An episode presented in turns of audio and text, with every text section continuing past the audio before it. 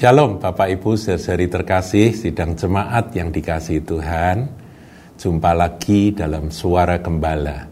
Saudara, eh, kali ini saya ingin mengajak Anda untuk merenungkan tentang pengurapan. Nah, jangan sampai terjadi kesalah mengertian tentang sebuah urapan yang bekerja atas seseorang. Ya, Gini saudaraku, pengurapan itu memang satu kemampuan atau kuasa dari Tuhan, ya pengurapan roh kudus, kuasa dari Tuhan yang bersifat supranatural yang membuat seseorang, ya hamba Tuhan tentunya, seorang hamba Tuhan itu dapat melakukan hal-hal yang supernatural, yang supranatural eh, ketika mereka melakukan pelayanan. Ya, jadi misalnya pengurapan kesembuhan, pengurapan uh, nubuatan dan sebagainya ya. Nah, itu ada pelajarannya sendiri saudaraku. Tapi saya ingin sampaikan bahwa pengurapan itu adalah miliknya Roh Kudus. Dan Roh Kudus yang mengurapi seseorang itu akan akan bergerak sesuai dengan kehendak Tuhan, kehendak Tuhan Roh Kudus. Jadi bukan kehendak orang yang diurapi. Ini harus kita pahami, saudaraku. Nah, salah satu contoh yang sangat uh, jelas itu ada di Perjanjian Lama, yaitu di dalam riwayat Elisa. Kita semua tahu, saudaraku ya, Elisa itu menerima double porsi dari pengurapan atau kuasa uh, sang guru, yaitu Elia. Sehingga Elisa menjadi seorang nabi yang luar biasa membangkitkan orang mati, melakukan mujizat-mujizat dahsyat sepanjang pelayanannya. Nah, kita akan lihat saudaraku eh, dua ayat di dalam dua Raja-Raja 13 ayatnya yang ke-20 dan 21. Ini adalah ayat yang eh, kita semua pasti sudah kenal akan kisahnya ya. Dua ayat ini saya bacakan. Sesudah itu matilah Elisa lalu ia dikuburkan. Jadi Elisa sudah mati. Adapun gerombolan Moab sering memasuki negeri itu pada pergantian tahun.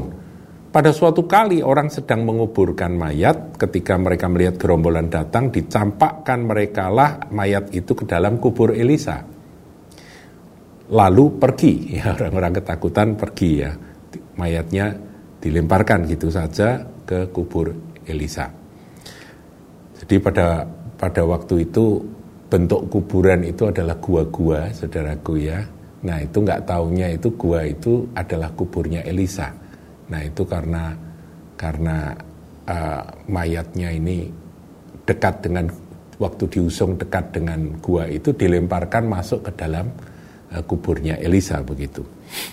Lalu pergi mereka dan demi mayat itu kena pada tulang-tulang Elisa. Jadi Elisa itu sudah jadi tulang, saudara. Jadi ini peristiwa sudah lama eh, sejak kematian dari sang nabi ini.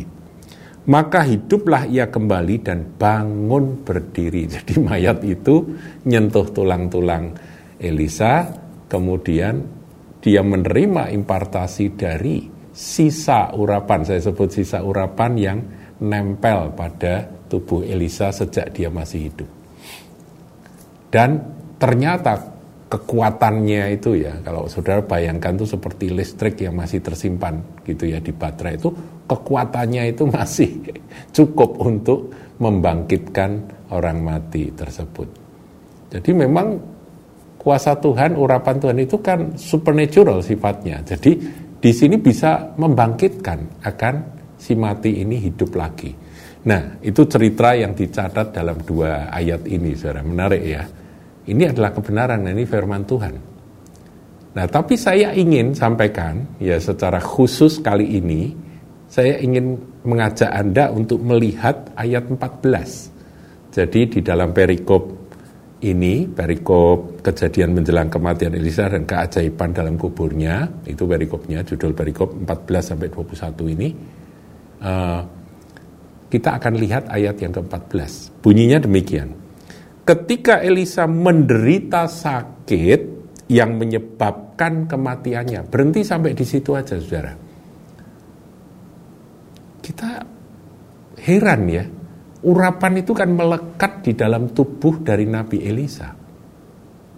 Bahkan kelak ketika Nabi mati karena sakit, ya dikatakan ketika Elisa menderita sakit yang menyebabkan kematiannya. Jadi ketika Elisa itu mati karena sakit, sampai dikubur, sampai jadi tulang, urapan itu masih melekat di dalam tulang-tulang Elisa. Sehingga ketika mayat dari orang mati yang dilemparkan nyentuh tulang Elisa itu hidup lagi, kena impartasi dari kuasa urapan yang supernatural yang dahsyat itu. Nah, yang aneh saudara, kenapa Elisa sendiri yang tubuhnya penuh dengan urapan itu, dia menderita sakit yang menyebabkan kematiannya. Nah, di sinilah kita memahami akan cara kerja dari kuasa Tuhan. Ketika kuasa Tuhan itu diberikan kepada seorang hamba Tuhan, itu hamba Tuhan nggak bisa semau gue. Dia berkata bahwa oh, dengan urapan ini sakit, ya, nggak tahu sakit apa ya, itu Elisa sembuh, sembuh gitu ya, nggak bisa. Padahal kalau saudara lihat lebih lanjut, itu Elisa masih dipakai Tuhan dalam kondisi sakit itu. Raja Yoas datang, Raja Israel itu datang menangis kepada dia, minta tolong gitu. Kemudian Elisa berkata, ya, saudara bisa baca sendiri, yaitu tentang bagaimana disuruh ambil busur anak panah dan anak panahnya itu disuruh mukulkan ke anu apa disuruh narik busurnya memanah kemudian disuruh ini apa suruh mukul-mukulkan begitu ya. Nah, itu anu apa? Ternyata itu semuanya adalah tindakan profetik yang yang memang dari Tuhan. Dan itu peristiwa terjadi, sudah lihat. Jadi dalam kondisi sakit dan sakitnya tidak disembuhkan oleh kuasa urapan yang bisa membangkitkan orang mati itu. Elisa masih dipakai Tuhan melayani akan eh, Raja Yuas. Jadi saudaraku, di sini kita belajar bahwa urapan sedahsyat apa pun itu tetap itu wewenangnya Tuhan. Jadi kalau misalnya Anda diurapi, saya diurapi, itu urapan itu tidak bisa kita pakai semau-mau kita. Nah ini Elisa sakit, dia sendiri sakit sampai meninggal, urapannya nggak bekerja untuk menyembuhkan dia. Padahal urapannya nyata kuasanya yang bekerja dalam tubuhnya itu nyata sampai dia jadi tulang masih membangkitkan akan orang mati. Iya kan? Dahsyat kan? Dari sini kita belajar saudaraku bahwa semua itulah dari dia, oleh dia, dan bagi dia.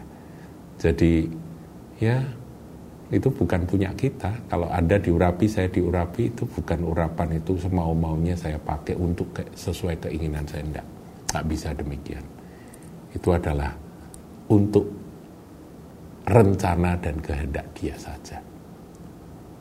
Tuhan Yesus memberkati.